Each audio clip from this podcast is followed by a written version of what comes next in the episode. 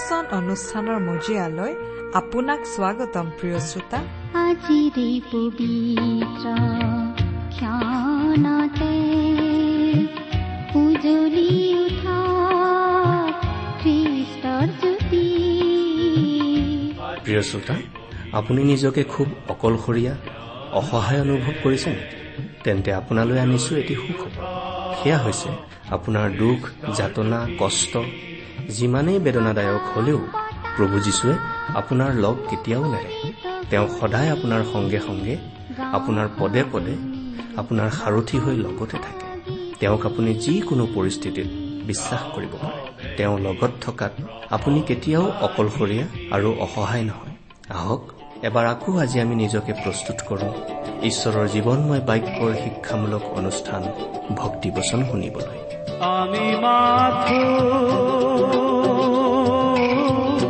বিপদ দেখা পাওঁ।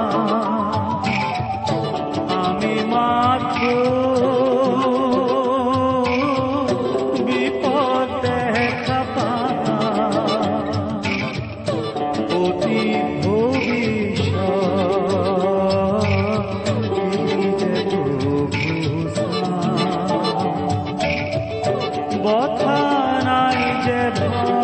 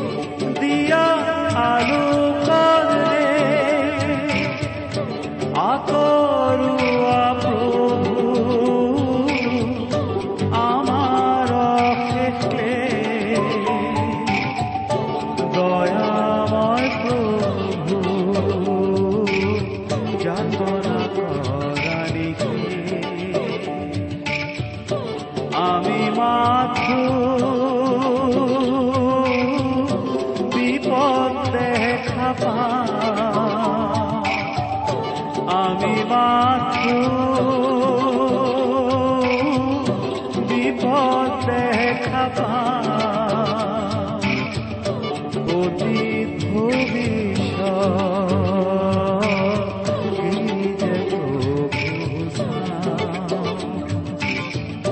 বথা নাই যে ভাঙা আমার বথা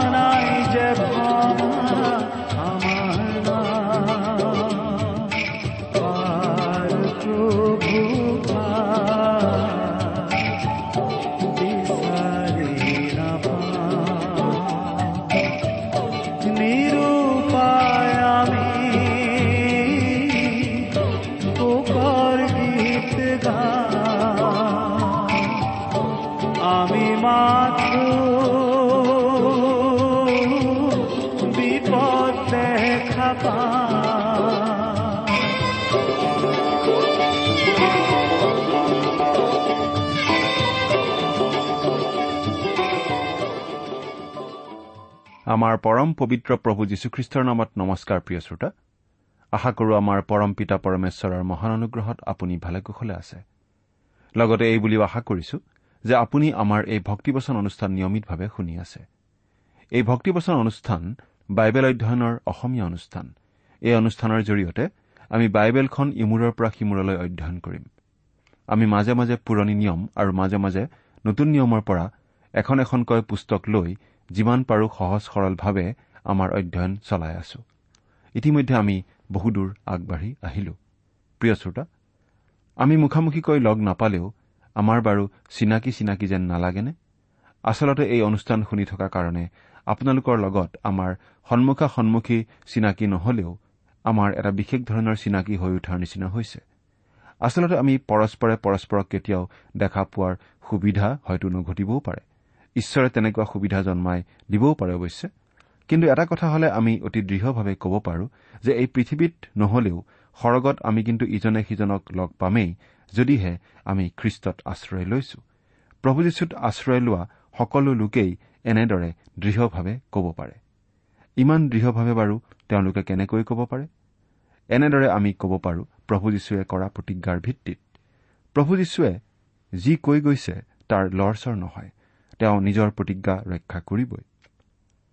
কিন্তু প্ৰভু যীশুৱেনো কি কৈছে সেই কথানো আমি ক'ত গম পাওঁ? বাইবেল শাস্ত্ৰত। বাইবেল শাস্ত্ৰ হৈছে ঈশ্বৰৰ বাক্য। ইয়াৰ লৰচৰ হোৱা নাই। আমাৰ এই ভক্তিবচন অনুষ্ঠানত আমি বাইবেলৰ যোগেদি ঈশ্বৰে আমাক কি কৈছে তাকেই চাবলৈ চেষ্টা কৰি আহিছো। এই অনুষ্ঠান সম্বন্ধে আপুনি বাৰু কি ভাবে? আপোনাৰ মতামত আমাক কেতিয়াবা জনাইছেনে? অনুগ্ৰহ কৰি আমালৈ দুষাৰিমান হলেও লিখি পঠিয়াবচোন। আহকচোন আজিৰ বাইবেল অধ্যয়ন আৰম্ভ কৰাৰ আগতে আমাৰ পৰম পিতা পৰমেশ্বৰৰ ওচৰত প্ৰাৰ্থনাত মূৰ্ণত কৰো হওক।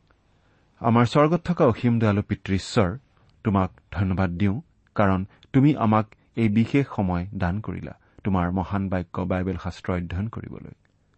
তুমি সৰ্বশক্তিমান সৰ্বজ্ঞানী সৰ্বব্যাপী ঈশ্বৰ হৈও আমাৰ দৰে ক্ষুদ্ৰ নৰমনিচক যে কিয় প্ৰেম কৰা আমি বুজি নাপাওঁ। তুমি আমাক ইমানেই প্ৰেম কৰিলা যে আমাক নৰকৰ পৰা বচাবলৈ তোমাৰ একেজাত পুত্ৰ যীশুখ্ৰীষ্টকেই দান কৰিলা।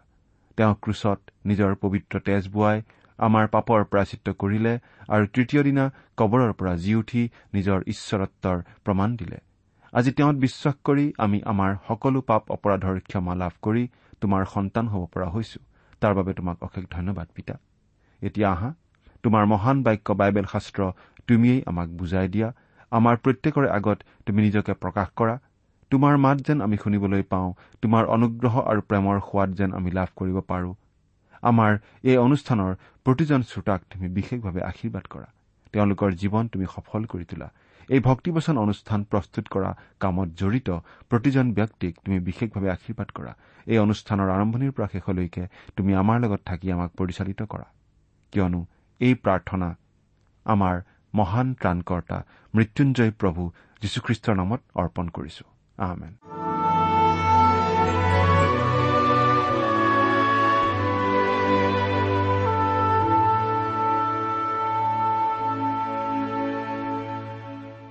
প্ৰিয় শ্ৰোতা আমি আজি ভালেমান দিন ধৰি বাইবেলৰ নতুন নিয়ম খণ্ডৰ ইফিচিয়াবিলাকৰ প্ৰতি পত্ৰ নামৰ পুস্তকখন অধ্যয়ন কৰি আছো নহয় জানো? আমি ইতিমধ্যে কৈ আহিছো যে খ্ৰীষ্টীয় মণ্ডলীৰ ভাই ভনীসকলৰ খ্ৰীষ্টীয় জীৱনত অতি প্ৰয়োজনীয় কিছুমান খ্ৰীষ্টীয় অভিজ্ঞতাৰ প্ৰয়োজন। এই প্ৰয়োজনীয় খ্ৰীষ্টীয় অভিজ্ঞতাসমূহে খ্ৰীষ্টীয় লোকসকলক খ্ৰীষ্টীয় জীৱন ধাৰণ কৰাত প্ৰচুৰ শক্তি যোগায়।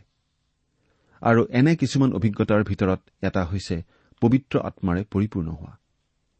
খ্ৰীষ্টীয় জীৱনটোক গুৰুত্ব সহকাৰে লোৱা খ্ৰীষ্টীয় লোকসকলৰ দৰে খ্ৰীষ্টীয় জীৱনত খ্ৰীষ্টীয় অভিজ্ঞতাৰ প্ৰয়োজনীয়তা আমিও বিশ্বাস কৰো। প্ৰতিগৰাকী প্ৰকৃত খ্ৰীষ্টিয়ান লোকৰেই খ্ৰীষ্টীয় অভিজ্ঞতা অপৰিহাৰ্যভাৱে প্ৰয়োজন। ইফিচিয়া পাঁচ নম্বৰ অধ্যায়ৰ ওঠৰ আৰু ঊনৈশ নম্বৰ পদত যিটো বৰ প্ৰয়োজনীয় অভিজ্ঞতাৰ বিষয়ে কোৱা হৈছে কৃতকাৰ্য খ্ৰীষ্টীয় জীৱন বা বিজয়ী খ্ৰীষ্টীয় জীৱন যাপনৰ বাবে সেইটো বৰ প্ৰয়োজন। সেয়া বাৰু কি অভিজ্ঞতা? পদ দুটা পাঠ কৰিছো। আৰু দ্ৰাক্ষাৰসেৰে মতলীয়া নহবা কিয়নো তাত নষ্টামী আছে কিন্তু আত্মাৰে পৰিপূৰ্ণ হোৱা। প্ৰশংসা গীত স্তুতি ভক্তিৰ গীত আৰু আধ্যামিক গীত গানেৰে পৰস্পৰে আলাপ কৰা আৰু প্ৰভুৰ উদ্দেশ্যে তোমালোকৰ হৃদয়েৰে গান কৰা।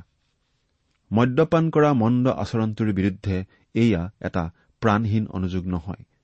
মদ্যপানে অতীতকালত মানুহৰ যেনেকৈ ক্ষতি সাধন কৰিছিল আজিও সেইদৰে ক্ষতি সাধন কৰি আহিছে। দুৰাৰোগ্য কৰ্কট ৰোগৰ দৰে ই মানুহৰ সমাজত বিস্তাৰিতভাৱে বিয়পি পৰিছে। কিন্তু তথাপি এই পদটোত মদ্যপান কৰা বদ অভ্যাসটোৰ বিৰুদ্ধে শিক্ষা দাঙি ধৰা হোৱা নাই। অৱশ্যে এই মন্দ অভ্যাসটোৱে এদিন গোটেই দেশখনকেই ধ্বংস কৰি পেলাব পাৰে যদি বৰ্তমানৰ অবাধ গতিতে ই চলি থাকে।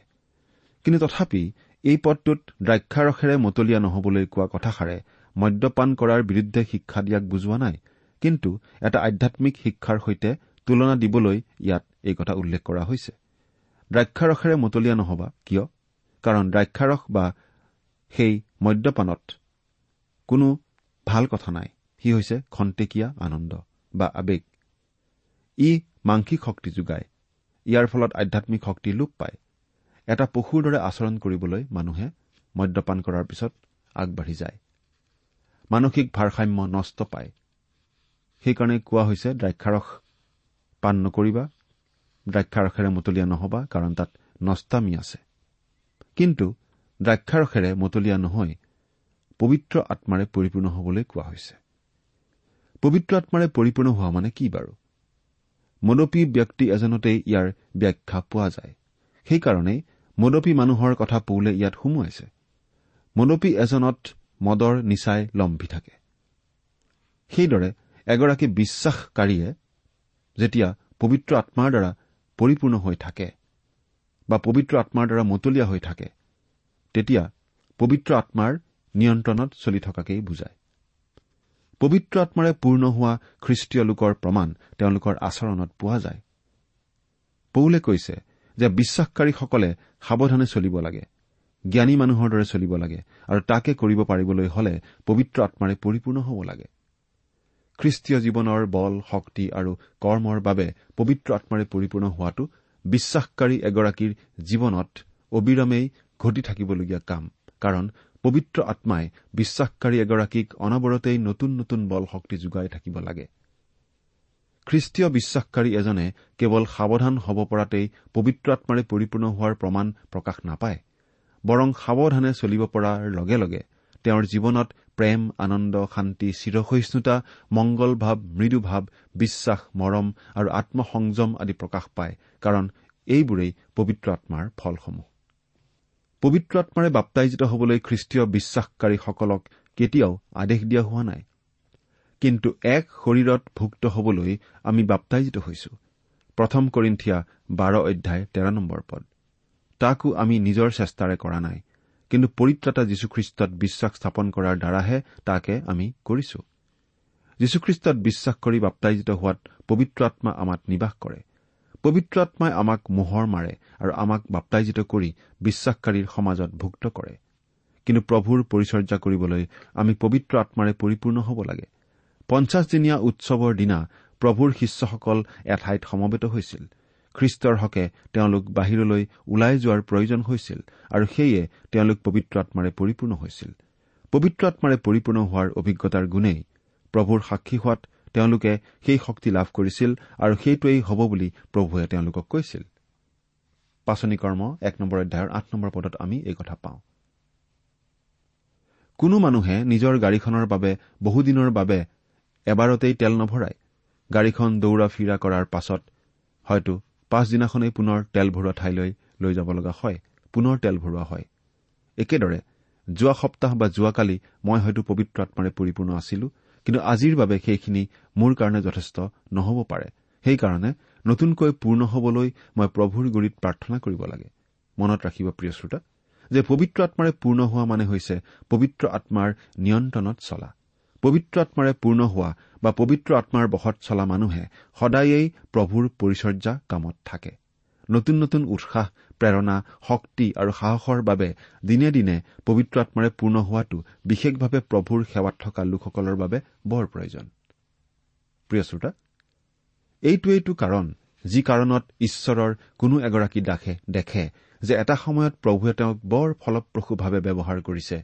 কিন্তু দুই এদিনৰ পাছতেই তেওঁ দেখে যে প্ৰভুৰ সেৱা তেওঁ পূৰ্ণ কৰ্তৃত্ব সহকাৰে কৰিব পৰা নাই। কথাবোৰ কওঁতে কামবোৰ কৰোতে শক্তিহীন প্ৰাণহীন উপলব্ধি কৰে। এনেকুৱা অভিজ্ঞতা আপোনাৰ জীৱনত বাৰু আছেনে? এতিয়া ঊনৈশ নম্বৰ পদটোত কোৱা হৈছে যে এটা চিন পবিত্ৰ আত্মাৰে পূৰ্ণ হোৱা মানুহত দেখা পোৱা যায়। সেয়া কি? হয় পবিত্ৰ আত্মাৰে পূৰ্ণ হোৱা মানুহজনে তেওঁৰ নিজৰ জীৱনত প্ৰশংসা গীত স্তুতি গীত ভক্তি গীত আম্মিক গীতেৰে আলাপ আলোচনা কৰিব আৰু ভালদৰে গান গাব পৰা খ্ৰীষ্টীয় লোক অৰ্থাৎ পবিত্ৰ আত্মাৰে পূৰ্ণ লোকসকলে এইবিলাক গীত গাবও পাৰিব। অৰ্থপূৰ্ণভাৱে আৰু আন্তৰিকতাৰে তেওঁৰ প্ৰশংসা কৰা বা প্ৰশংসা গোৱাটো গীতেৰে তেওঁৰ স্তুতিভক্তি কৰাটো আৰু আম্মিক উপকাৰ আৰু বৃদ্ধিৰ বাবে আম্মিক গীত গানেৰে তেওঁৰ সেৱা পূজা কৰাটো বাস্তৱিকতেই পবিত্ৰ আত্মাৰে পূৰ্ণ হোৱাৰ এটা চিন। ইয়াত প্ৰশংসা গীত বুলি গীতমালাকেই বুজাইছে নিশ্চয়।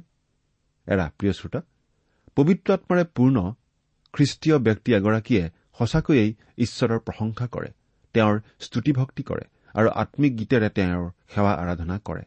তাকে কৰিব পাৰিবলৈ তেনে এগৰাকী ব্যক্তিয়ে সদায়েই পবিত্ৰ আত্মাৰে পূৰ্ণ হবলৈ ইচ্ছা কৰে। সত্য সৰ্বশক্তিমান আৰু পবিত্ৰ ঈশ্বৰক নজনা দুৰ্ভগীয়া মানুহে জীৱনৰ দুখভাগৰ পাহৰিবলৈ মানসিক তাৰণাৰ পৰা মুক্তি লভিবলৈ সৰগলৈ আৰোহণ কৰাৰ অভিজ্ঞতা উপলব্ধি কৰিবলৈ আৰু ঘৰ সংসাৰে দাবী কৰা বহু দাবীৰ হেঁচাত জুৰুলা পৰা অৱস্থাটোৰ পৰা অলপ উপশম বিচাৰি মদ বা সুৰাৰ আশ্ৰয় লয়। তাকে কৰি তেনে দুৰ্ভগীয়া মানুহে জীৱনৰ দুখ ভাগৰ নাপাহৰে এনে নহয় পাহৰে সাময়িকভাৱে পাহৰে। মানসিক তাৰণাৰ পৰা মুক্তি লভি সৰগলৈ আৰোহণ কৰাৰ শিহৰণৰ উপলব্ধিও সাময়িকভাৱে তেওঁলোকৰ হয়। ঘৰ সংসাৰৰ মায়াজাল আৰু কৰ্তব্য কামৰ পূৰণ কৰিব নোৱাৰা দাবীসমূহৰ পৰা মদ আৰু সুৰাত আশ্ৰয় লৈ যে অলপ উপশম নলভে সেয়া নহয়। উপশম অলপ লভে। কিন্তু একেবাৰে সঁচা কথাটো হৈছে মদ আৰু সুৰাৰ সেই মুক্তি সেই শিহৰণ সেই উপশম অতি ক্ষণস্থায়ী অতি অস্থায়ী অতি চলনাময়ী আৰু ভ্ৰষ্টকাৰী। খ্ৰীষ্টীয় লোকৰ বাবে কিন্তু স্থায়ী মুক্তি শিহৰণ আৰু উপশমৰ বাবে স্থায়ী আশ্ৰয়স্থল আৰু উপায় আছে। আৰু সেই জনাই হৈছে সকলো মানৱৰ পৰিত্ৰাতা আমাৰ প্ৰিয় প্ৰভু যীশুখ্ৰীষ্ট। দুখ বেজাৰ বিপদ আপদ আৰু সকলো প্ৰকাৰৰ সমস্যাৰ বেলিকা খ্ৰীষ্টীয় লোকে তেওঁতেই আশ্ৰয় ল'ব লাগে। তেতিয়াহে তেওঁলোকৰ মুক্তি শিহৰণ আৰু উপশম অতি স্থায়ী হ'ব। তেতিয়াহে তেওঁলোকৰ আনন্দ বটলৰ পৰা নাহি সৰগৰ পৰা আহিব। কাৰণ পবিত্ৰ আত্মা মানে হৈছে ঈশ্বৰৰ আত্মা আৰু ঈশ্বৰৰ আত্মা মানেই হৈছে খ্ৰীষ্টৰো আত্মা। ইফিচিয়া এক অধ্যায় তেৰ নম্বৰ পদত কৈছে তেওঁতেই অৰ্থাৎ তোমালোকেও সত্যতাৰ বাক্য অৰ্থাৎ তোমালোকৰ পৰিত্ৰাণৰ শুভবাৰ্তা শুনিবলৈ পাই তেওঁতেই বিশ্বাসো কৰি অংগীকৃত পবিত্ৰ আত্মাৰে মোহৰ মৰা হলা। অৰ্থাৎ খ্ৰীষ্টত আমি বিশ্বাস স্থাপন কৰাৰ লগে লগেই তেওঁৰ আত্মা আমাক দান কৰা হয়। সেয়ে স্থায়ী প্ৰেম আনন্দ আৰু শান্তিৰ বাবে আমি পবিত্ৰ আত্মা বা ঈশ্বৰৰ আত্মা বা খ্ৰীষ্টৰ আত্মাৰে পূৰ্ণ হোৱা বৰ প্ৰয়োজন। আন্তৰিক আনন্দৰ ক্ষেত্ৰত বাইবেলে কৈছে মানে প্ৰভু যীশুখ্ৰীষ্টই কৈছে মোৰ আনন্দ তোমালোকত যেন থাকে আৰু তোমালোকৰ আনন্দ যেন সম্পূৰ্ণ হয় এই নিমিত্তে তোমালোকক এইবোৰ কথা কলো। জোখন পোন্ধৰ অধ্যায় এঘাৰ পদ। এনে আনন্দ কিন্তু পবিত্ৰ আত্মাৰে পূৰ্ণ হোৱাৰ দ্বাৰাহে পোৱা যায়। পবিত্ৰ আত্মাৰে পূৰ্ণ হোৱাৰ আনটো প্ৰমাণ হ'ল প্ৰভু যীশুখ্ৰীষ্টৰ নামেৰে পিতৃ ঈশ্বৰৰ ধন্যবাদ কৰা সুন্দৰ আচৰণটো। গীতমালা পুস্তকত আমি ইতিমধ্যে পাই আহিছো পৰ্যাপ্তভাৱে ঈশ্বৰৰ নামৰ প্ৰশংসা আৰু ধন্যবাদ কৰা। সেই ধন্যবাদ আৰু প্ৰশংসা আছিল অতি উচ্চ মানদণ্ডৰ। আজিৰ খ্ৰীষ্টীয় সমাজত তেনে উচ্চ মানৰ ধন্যবাদ আৰু প্ৰশংসা নোহোৱা হৈ পৰিছে। বহুতে কয় মই আপোনাক ভাল পাওঁ কিন্তু ভাল পোৱাটো মুখৰ কথা নহয় প্ৰিয় শ্ৰোতা। মই যদি আপোনাক ভাল পাওঁ তেন্তে তাকে মই মোৰ আচৰণত দেখুৱাব পাৰিব লাগিব। কথাৰ ফুলজাৰিৰে প্ৰকৃত ভালপোৱা প্ৰকাশ নাপায়। ঈশ্বৰক যদি আমি ভয় ভক্তি কৰো তেনেহলে সেই কথা আমাৰ আচৰণৰ মাজতো প্ৰকাশ পাব লাগিব। আপুনি ইফালে সিফালে ঘূৰি ফুৰি আপুনি যে মানুহক ভাল পায় তাকে কৈ ফুৰিবৰ প্ৰয়োজন নাই। আপুনি পবিত্ৰ আত্মাৰে পূৰ্ণ হলে আপোনাৰ জীৱনত আপুনি দেখিব মানুহৰ প্ৰতি আপোনাৰ প্ৰেম আছে। আপোনাৰ অন্তৰত শান্তি আৰু আনন্দ আছে। আৰু আছে সদায়েই সকলো বিষয়ৰ বাবে ধন্যবাদ দিব পৰা এখন অন্তৰ। প্ৰিয় শ্ৰোতা আমাৰ নিজত একো নাই। সেয়ে আমি তেওঁৰ গুৰিলৈ যাব লাগে। তেওঁৰ গুৰিলৈ গৈ পবিত্ৰ আত্মাৰে পূৰ্ণ কৰিবলৈ আমি তেওঁৰ গুৰিত প্ৰাৰ্থনা কৰিব লাগে। পবিত্ৰ আত্মাৰে পূৰ্ণ হলে আমাৰ জীৱনত এইবোৰ সুন্দৰ ঘটনা নিজে নিজেই ঘটিব। প্ৰথমটো হৈছে ঈশ্বৰৰ সন্তান হবলৈ আমি তেওঁৰ পৰা ক্ষমতা লাভ কৰো। জোখন এক অধ্যায় বাৰ পদ। দ্বিতীয়টো হৈছে পবিত্ৰ আত্মাই আমাত নিবাস কৰে। ৰুমিয়া আঠ অধ্যায় ন নম্বৰ পদ। তৃতীয়টো হৈছে পবিত্ৰ আত্মাৰে আমি মোহৰ মৰা হওঁ। ইফিচিয়া এক নম্বৰ অধ্যায়ৰ তেৰ নম্বৰ পদ। চতুৰ্থটো হৈছে পবিত্ৰ আত্মাৰ দ্বাৰাই বাপ্তাইজিত হওঁ। প্ৰথম কৰিন্ঠিয়া বাৰ নম্বৰ অধ্যায়ৰ তেৰ নম্বৰ পদ। এতিয়া আমি একৈশ নম্বৰ পদটো পঢ়িছো শুনিবচোন। খ্ৰীষ্টৰ ভয়ত ইজনে সিজনৰ বশীভূত হোৱা। বশীভূত হোৱা মানে ভৃত্য এজনৰ দৰে আদেশ পালন কৰাক বুজোৱা নাই। আমি এই পত্ৰখনৰেই চাৰি নম্বৰ অধ্যায়ৰ এক আৰু দুই নম্বৰ পদত পাই আহিছো মৃদুতা আৰু চলাৰ কথা। ইয়াত চিনয় পৰ্বতৰ অগ্নিৰ কথা আৰু নাই বৰং ইয়াত আছে কালবাৰীৰ ক্ৰুচৰ প্ৰেমৰ কথা অনুগ্ৰহৰ কথা। ইয়াত আছে খ্ৰীষ্টৰ ভয়ত ইজনে সিজনৰ বশীভূত হোৱাৰ কথা। তাৰমানে আপুনি অকলে মণ্ডলীখন আপোনাৰ আদেশ আৰু নিৰ্দেশত নচলায়। পালক আৰু চলাওঁতাসকলৰ মাজত বুজাবুজিৰেহে মণ্ডলীখন চলোৱা হয়। ইজনে সিজনৰ বশীভূত হ'ব লাগে আৰু আমি সকলোৱেই একেলগে মণ্ডলীখন পৰিচালনা কৰিব লাগে। গতিকে পবিত্ৰ আত্মাৰে পৰিপূৰ্ণ হোৱাৰ আন এটা প্ৰমাণ হ'ল খ্ৰীষ্টৰ ভয়ত ইজনে সিজনৰ বশীভূত হ'ব পৰা।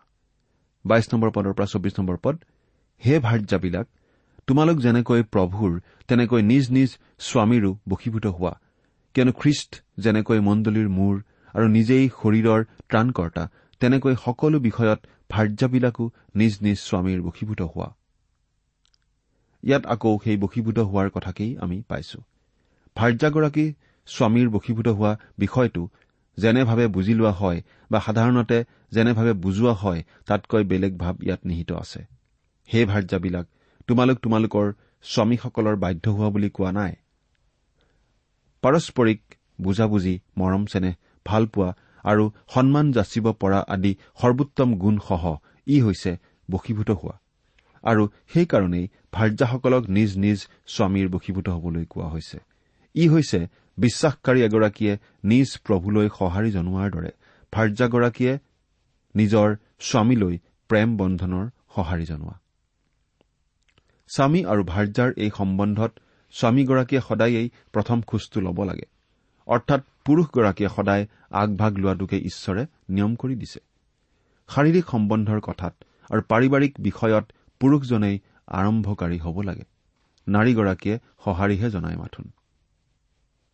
সাধাৰণতে নাৰীয়ে আগধৰি পুৰুষক নকয় মই আপোনাক ভাল পাওঁ বুলি। পুৰুষে যদি নাৰীক কয় মই তোমাক ভাল পাওঁ তেন্তে তাৰ প্ৰতি সঁহাৰি জনাই নাৰীয়ে কয় ময়ো আপোনাক ভাল পাওঁ। কোনোৱে হয়তো ক'ব পাৰে অনাতাঁৰ কাৰ্যসূচীতনো এনেকুৱা দৰদ আৰু প্ৰেমৰ কথা ক'ব লাগেনে? কিয় প্ৰিয় শ্ৰোতা? ঈশ্বৰে জানো সেইদৰে আৰম্ভ কৰা নাই। এডেনবাৰীত কেৱল জানো আদমকেই নিৰ্মাণ কৰিছিল। আদমৰ কাৰণে জীৱন সংগিনী ৰূপে হোৱাকো ঈশ্বৰে নিৰ্মাণ কৰি মানুহৰ মাজত প্ৰেম আৰু দৰদৰ সূচনা তেওঁৱেই কৰিলে। কোনোবাই ক'ব পাৰে বোলে হেৰি প্ৰচাৰক মহাশয় মোৰ ক্ষেত্ৰত তেনে কোনো প্ৰেম আৰু দৰদ নাই। কাৰণ কোনো হোৱাই আজিলৈকে মোলৈ চাই মিচিকিয়াকৈ হাঁহি এটাও মৰা নাই বা চকুৰ টিপনি এটাও দিয়া নাই। প্ৰিয় শ্ৰোতা নিৰান্নব্বৈজনী হোৱাই যদি আপোনাক কেৰেপ কৰা নাই এজনীয়ে এদিন নিশ্চয় কৰিবই। আপুনি যদি আদম মনত ৰাখিব এশজনীৰ ভিতৰত এজনী হোৱা ঈশ্বৰে আপোনাৰ কাৰণে নিশ্চয় ৰাখিছেই। আপুনি নিৰাশ নহ'ব। কেৱল পবিত্ৰ আত্মাৰে পৰিপূৰ্ণ হৈ সুখী খ্ৰীষ্টীয় জীৱন যাপন কৰিবলৈ প্ৰস্তুত হওক। আপুনি অবিবাহিত গাভৰু ভনীনে প্ৰিয় শ্ৰোতা আপুনি হয়তো কাহানিবাৰ পৰাই দাম্পত্য জীৱনৰ বাবে প্ৰস্তুত হৈ আছে কিন্তু সেইটো বাস্তৱত পৰিণত হোৱা নাই। চিন্তা নকৰিব। ঈশ্বৰে আপোনাকো পুৰুষৰ কামিহাৰ এডালৰ পৰা নিৰ্মাণ কৰিছে। আপুনি যিগৰাকী পুৰুষৰ কামিহাৰ সেইগৰাকী পুৰুষক আপুনি লগ পাবই। প্ৰাৰ্থনাত লাগি থাকক। পবিত্ৰ আৰু মহান ঈশ্বৰৰ সেৱাত লাগি থাকক। আজি নহয় কাইলৈ নহয়। ঈশ্বৰৰ ইচ্ছা হলে আপুনি এদিন সেইগৰাকী শ্ৰীমানক লগ পাবই। কেৱল পবিত্ৰ আত্মাৰে পূৰ্ণ হৈ আপুনি আপোনাৰ শ্ৰীমানৰ সৈতে খ্ৰীষ্টীয় সুখী জীৱন ধাৰণ কৰিবলৈ প্ৰস্তুত হৈ থাকক। তেখেতৰ সুখত আৰু তেখেতৰ দুখত সকলো সময়তে তেখেতৰ কাষতে থাকি তেখেতৰ যোগ্য জীৱন সংগিনী হওক। তেখেতৰ নিৰাশাত আপুনি তেখেতক উৎসাহ উদ্দীপনা যোগাওক। নিৰাশাত ভাগি পৰি তেখেতৰ দুগালেৰে চকুলো বলে আপুনি আপোনাৰ মৰম সনা দুখন হাতেৰে তেখেতৰ চকুলো মচি দি তেখেতৰ জীৱনত মৰমৰ পৰশ বোলাওক। এয়া অলিক কল্পনা যেন লাগিলেও ঈশ্বৰৰ সৈতে অসম্ভৱ একো নাই। আপোনাৰ মংগলৰ কাৰণে অসম্ভৱকো তেওঁ সম্ভৱ কৰি তুলিব পাৰে। প্ৰাৰ্থনাৰে আপুনি প্ৰস্তুত থাকক। প্ৰিয় শ্ৰোতা আজিলৈ আমাৰ সময় হৈ আহিল। আমি আমাৰ আলোচনা ইমানতেই সামৰিব খুজিছো। কিন্তু শেষ কৰাৰ আগতে আপোনাক আকৌ এটা প্ৰশ্ন সুধিব খুজিছো। আপুনি বাৰু আপোনাৰ নিজৰ জীৱন পৰীক্ষা কৰি চালে কি দেখা পায়? আপোনাৰ জীৱনত পবিত্ৰ আত্মাৰ ফলবোৰ প্ৰকাশ পাই উঠিছেনে? আপুনি বাৰু পবিত্ৰ আত্মাৰ দ্বাৰা নিয়ন্ত্ৰিত হৈ জীৱন যাপন কৰিছেনে? আপোনাৰ জীৱনত সেই ফলবোৰ প্ৰকাশ পাই উঠিবলৈ পবিত্ৰ আত্মাক আপুনি বাৰু সুবিধা দি আছেনে? চিন্তা কৰি চাওকচোন। ঈশ্বৰে আপোনাক আশীৰ্বাদ কৰক। আহমেদ প্ৰিয় শ্ৰোতা ইমান পৰে আপুনি বাইবেল শাস্ত্ৰৰ পৰা ঈশ্বৰৰ বাক্য শুনিলে। এই বিষয়ে আপোনাৰ মতামত জানিবলৈ পালে আমি নথৈ আনন্দিত হ'ম। আমি প্ৰস্তুত কৰা বাইবেল অধ্যয়নৰ চিডিসমূহ পাব বিচাৰিলে আৰু অনুষ্ঠানত প্ৰচাৰ কৰা কোনো কথা বুজিব লগা থাকিলেও আমালৈ লিখক। আমাৰ যোগাযোগৰ ঠিকনা ভক্তিবচন ট্ৰান্সপল ৰেডিঅ' ইণ্ডিয়া ডাক বাকচ নম্বৰ সাত শূন্য গুৱাহাটী সাত আঠ এক শূন্য শূন্য এক। ঠিকনাটো আকৌ এবাৰ কৈছো ভক্তিবচন ট্ৰান্সৱৰ্ল্ড ৰেডিঅ' ইণ্ডিয়া ডাক বাকচ নম্বৰ সাত শূন্য গুৱাহাটী সাত আঠ এক শূন্য শূন্য এক। আমাৰ ইমেইল এড্ৰেছটো হৈছে Assamese T TV at the rate radio' eight eight two dot com. আজি আছো আমি কাইলৈ নাই? জীৱনথিৰ শুনাহে মানুহ খাই? কি হ'ব পৰিচিকা চাই, গধূলি দেখিবা প্ৰভাত পৰহি যায়। আজি আছো আমি কাইলৈ নাই?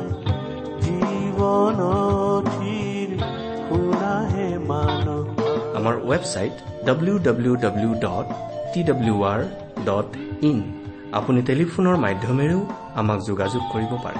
আমাৰ টেলিফোন নম্বৰটো হৈছে nine eight five four zero' four zero' eight eight nine. Phone নম্বৰটো আকৌ এবাৰ কৈছো ন আঠ পাঁচ চাৰি শূন্য চাৰি শূন্য আঠ আঠ ন। আপুনি এই ভক্তিবচন অনুষ্ঠানটি আমাৰ website radio' eight eight two dot কমতো শুনিব পাৰিব। যিছু সেৱা কৰা নকৰিবল যিছু ধৰ্মৰ আমাৰ মহান কৰ। সময় মিছাতে নকৰিবা যিছুৰ সেৱাৰ এই সময় আজি আছো আমি কাইলৈ নাই জীৱনথি শুনাহে মানুহ কি হ'ব মিছাতে পৰিচিকা চাই। গধূলি দেখিবা প্ৰভাত পৰহি যায়। আজি আছো আমি কাইলৈ আজিৰ অনুষ্ঠানটি ইমানতেই সামৰিছো। ঈশ্বৰৰ শান্তি আৰু অনুগ্ৰহ আপোনাৰ লগত থাকক। ধন্যবাদ।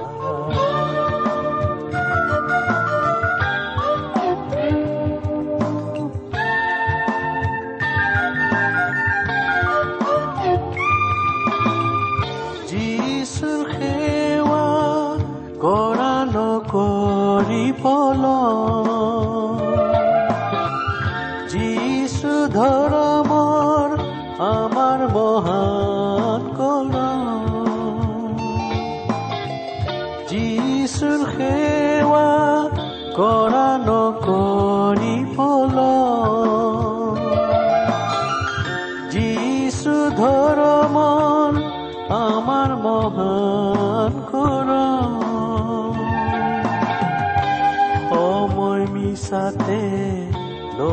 নকৰিবা ক্ষয় যিছুৰ সেৱাৰ এই সময় আজি আছো কাইলৈ নাই জীৱনথিৰ